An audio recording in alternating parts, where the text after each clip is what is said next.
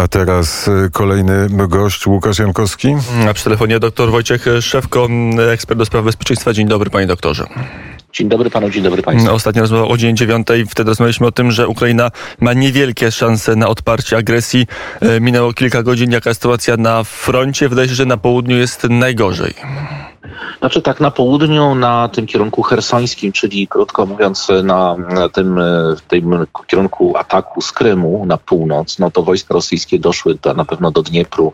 Jest bardzo wiele fotografii to wrzucanych przez po prostu ludność, która robi zdjęcia sobie przy mostach, które są przy mieście Herson.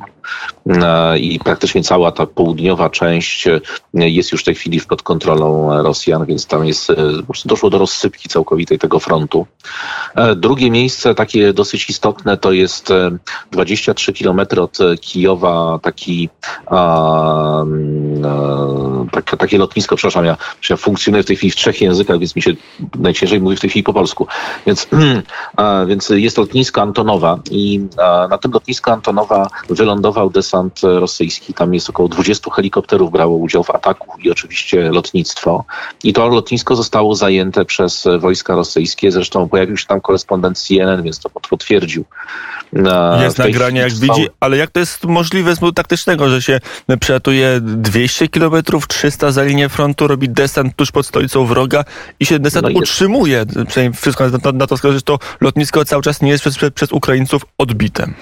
No, po, po, po, pierwsze, Ukraina już nie ma obrony przeciwlotniczej, to co Rosjanie powiedzieli. Przecież ten cały atak od rana, jego celem podstawowym było zniszczenie obrony przeciwlotniczej, jest zniszczenie um, ukraińskiego lotnictwa. Co prawda też mnie trochę dziwi, bo przecież e, Ukraina miała być tak wyposażona świetnie w te ręczne wyrzutnie, prawda, w manpady. I chyba takim najbardziej oczywistym celem są lotniska.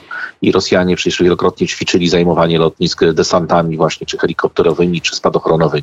A tu się okazuje, że te helikoptery sobie fruwają rekreacyjnie. Jeden zastrzelono im, e, no ale to lotnisko jakby nie było w ogóle chronione, jest przy samym, przy samym Kijowie. W tej chwili tam walczy jakaś, jak, bazujemy oczywiście na komunikatach oficjalnych w tej chwili Ministerstwa Obrony Ukrainy. Tam walczy Brygada Szybkiego Reagowania. Wiadomo, że ostrzelała z artylerii e, lotnisko, no a znowu sama jest atakowana przez lotnictwo, e, lotnictwo rosyjskie. Ukraińcy twierdzą, że zastrzelili trzy, trzy rosyjskie helikoptery. I to, są, to jest stan w tej chwili na północy Kijowa. No ale to jest bardzo poważna wyrwa w obronie jako takiej, bo to pokazuje, że Rosjanie sobie latają nad tą Ukrainą już praktycznie jak chcą.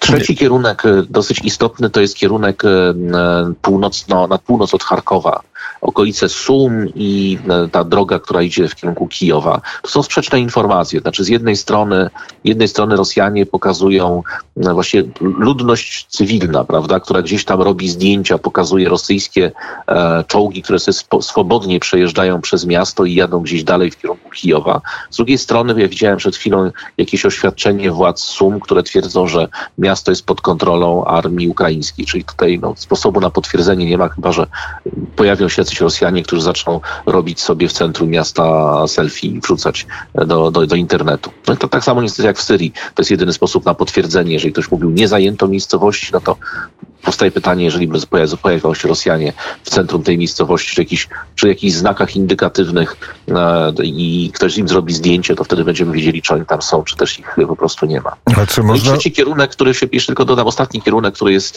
który jest chyba najbardziej obiecujący dla Ukrainy, no to jest e, sam Donieck i Ługańsk, ponieważ tam jest armia przygotowana do permanentnej wojny, okopana e, i chyba dobrze uzbrojona. W związku z tym ona stawia czoło tym e, wojskom, no głównie tej ługańskiej, i Donieckiej Republiki. Tam jest podobno mało e, tej rosyjskiej techniki wojskowej. Chociaż nie wiadomo, tutaj nie mamy żadnych informacji, co się dzieje po stronie rosyjskiej. Wiemy tylko ze strony ukraińskiej, no ale tam rzeczywiście chyba się nie udało przerwanie frontu, nie udało się zniszczenie tych jednostek ukraińskich. Ale tam dojdzie, ale tam dojdzie do okrążenia z tego, co widzimy. A czy już można wywnioskować, że celem e, Putina jest zajęcie Kijowa, czy już to widać? Widać? Celem Putina jest na pewno zajęcie całej Ukrainy, to znaczy doprowadzenie do tego, że Ukraina przestanie być państwem niepodległym i stanie się państwem e, typu Białorusi. Jak to zostanie przeprowadzone, to jeszcze wojskowo nie wiemy, ale już pojawiły się jakieś informacje o jakichś petycjach, jakichś grup politycznych do Zeleńskiego, żeby natychmiast rozmawiał z Putinem, żeby przerwać działania wojenne. Być może na to też będzie grano, albo nam się objawi za chwilę jakiś Kisling, prawda, jakiś Łukaszenko II, który nam się e, za, za chwileczkę powie, że przejmuje władzę w Kijowie i zaproponuje, to on będzie nadzorował zawieszenie broni. E, albo też e, po prostu Rosjanie rzeczywiście podejdą pod Kijów, wejdą do Kijowa i tyle. No, na razie informacje, którymi byliśmy karmieni przez bardzo długi okres czasu, że tam nie oddamy guzika od munduru, że każdego centymetra będą Ukraińcy bronić, na razie się nie do końca sprawdzają. A na A południu, bo to, jest, bo to jest ten najbardziej newralgiczny i najsłabszy punkt ukraińskiej obrony. Co możemy powiedzieć? Tam już jest e, front całkowicie w rozpadzie i Rosjanie mają otwartą drogę do Kijowa, czy jeszcze znaczy, są możliwości, żeby to się tam y, zakleszczyło, mówiąc kolokwialnie. Czy z tego, co przynajmniej widziałem, zakładając, że większość tych informacji jest w miarę prawdziwa, bo to są zdjęcia po prostu mm, z konkretnych lokalizacji, to na pewno doszli do mostów na Dnieprze. I teraz, ale natomiast nie widziałem żadnego, żadnej informacji, żeby przekroczyli ten most. No, władze ukraińskie potwierdzają, że cała, całe południe Hersonu jest już pod kontrolą rosyjską. Natomiast no, nie przeszli na północ. Jeżeli zdobędą Herson i później ewentualnie Mikołajów czy Nikopol, no to już idą wtedy na północ. Nie wiadomo, czy w kierunku Kijowa mogą pójść równie dobrze w kierunku polskiej granicy, czy odciąć jak gdyby. I druga rzecz, jeżeli zabezpieczą sobie tą flankę, to mogę, mogą równie dobrze te wojska pójść w kierunku Mariupola i zlikwidować opór ukraiński, no bo armia nie będzie w stanie walczyć na dwa fronty od zachodu również atakowana. E, czy coś w tym konflikcie zbrojnym pana zadziwiło? E, taktycznie, militarnie, wykorzystanie jakiegoś sprzętu, taktyki, co możemy, jakie pierwsze wnioski co do e, działań rosyjskiej armii możemy wysnuć z tych pierwszych godzin wojny na Ukrainie? Znaczy, z, z, całą pewnością wiemy jedną rzecz, że rosyjska armia e, zmieniła się bardzo znacznie taktycznie. To już, nie jest już armia, która polega na e, szarży e, jednostek pancernych e, poprzedzonej przygotowaniem artyleryjskim. To jest armia, która e, kopiuje to, co robi armia amerykańska, czyli najpierw uderza rakietami i ewentualnie bombardowaniami, e, likwidując zdolności do walki w powietrzu przeciwnika. Potem, mając już całkowitą przewagę w powietrzu, spokojnie sobie tego przeciwnika e, rozbija jak chce. No to niestety tak wyglądają współczesne konflikty. Jeżeli ktoś ma przewagę w powietrzu, to jest w stanie przynajmniej przeciwko regularnej armii, bo nie mówimy o zwalczaniu partyzantki, jest w stanie taką armię po prostu rzucić na kolana bez względu na to, ile ona będzie miała czołgów czy artylerii e, w polu, byle, byle lotnictwu nie zabrakło bomb. No tak robili, to jest, tak, tak robiły Stany Zjednoczone na przykład w Iraku, gdzie przecież ta iracka armia wcale nie była armią słabą. Najpierw zlikwidowano centra dowodzenia, centra łączności, zlikwidowano broń przeciwlotniczą, tą, którą się udało zniszczyć, potem jeszcze rakiety, e, lotnictwo uciekło do Iranu, a potem sobie było polowanie apaczami na czołgi i likwidacja przy pomocy samolotów, e, artylerii stanowisk. A potem Marines już mogli wjechać sobie autostradą do Bagdadu z minimalnym oporem po drodze. E, powiedział pan doktor, że armia ukraińska dostała czy miała dostać wzmocnienie sprzętowe mm, od państw Zachodu. Mm, mówiono, że bardzo skuteczne mogą być drony, które przyjechały mm, z Turcji. Możemy zweryfikować jakość tego uzbrojenia.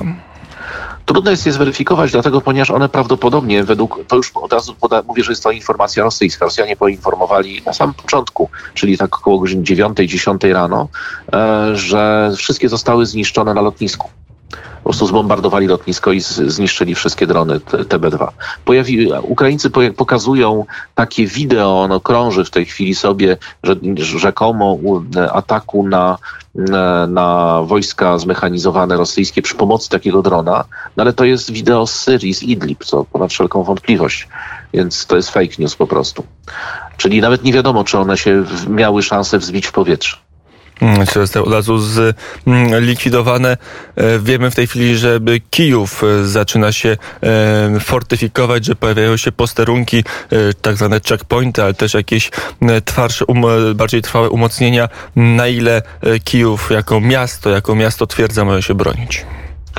Czyli jeżeli armia ukraińska wycofa się do Kijowa i będzie próbowała tego Kijowa bronić, to oczywiście jest w stanie się bronić pewnie całkiem długo. Powstaje pytanie, czy będzie ch chciał.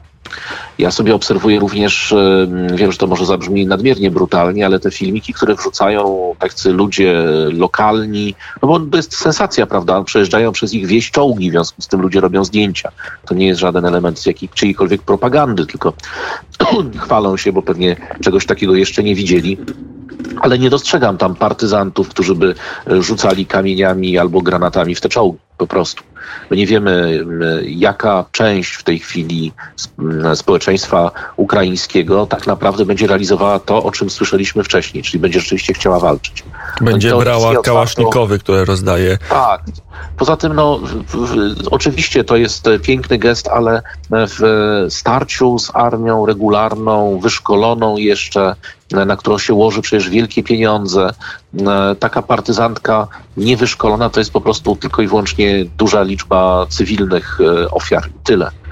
E, tutaj bardziej niepokoi trochę właśnie to, znaczy z punktu widzenia, jeżeli już mówimy o jakichś zaskoczeniach, e, no to trochę zaskakujące jest łatwość, chociażby właśnie to rozsypanie tego frontu hersońskiego, który zakłada przecież wszystkie analizy, które do tej pory były, wszystkie, wszystkie przewidywania planów rosyjskich pokazywały no, w sposób ewidentny atak ze strony Krymu. I tutaj mamy jeszcze takie no, wąskie drogi, no, takie mosty jak gdyby, czy no, groble. W związku z tym tutaj nie mamy jakichś e, e, równin, po których się ta armia mogła w dowolny sposób przemknąć. A to się okazuje, że e, wystarczyło kilka godzin i ta armia, która tam broniła tych przesmyków, przestała istnieć. Powiedział dr Wojciech Szewko, ekspert do spraw bezpieczeństwa. Dziękuję bardzo za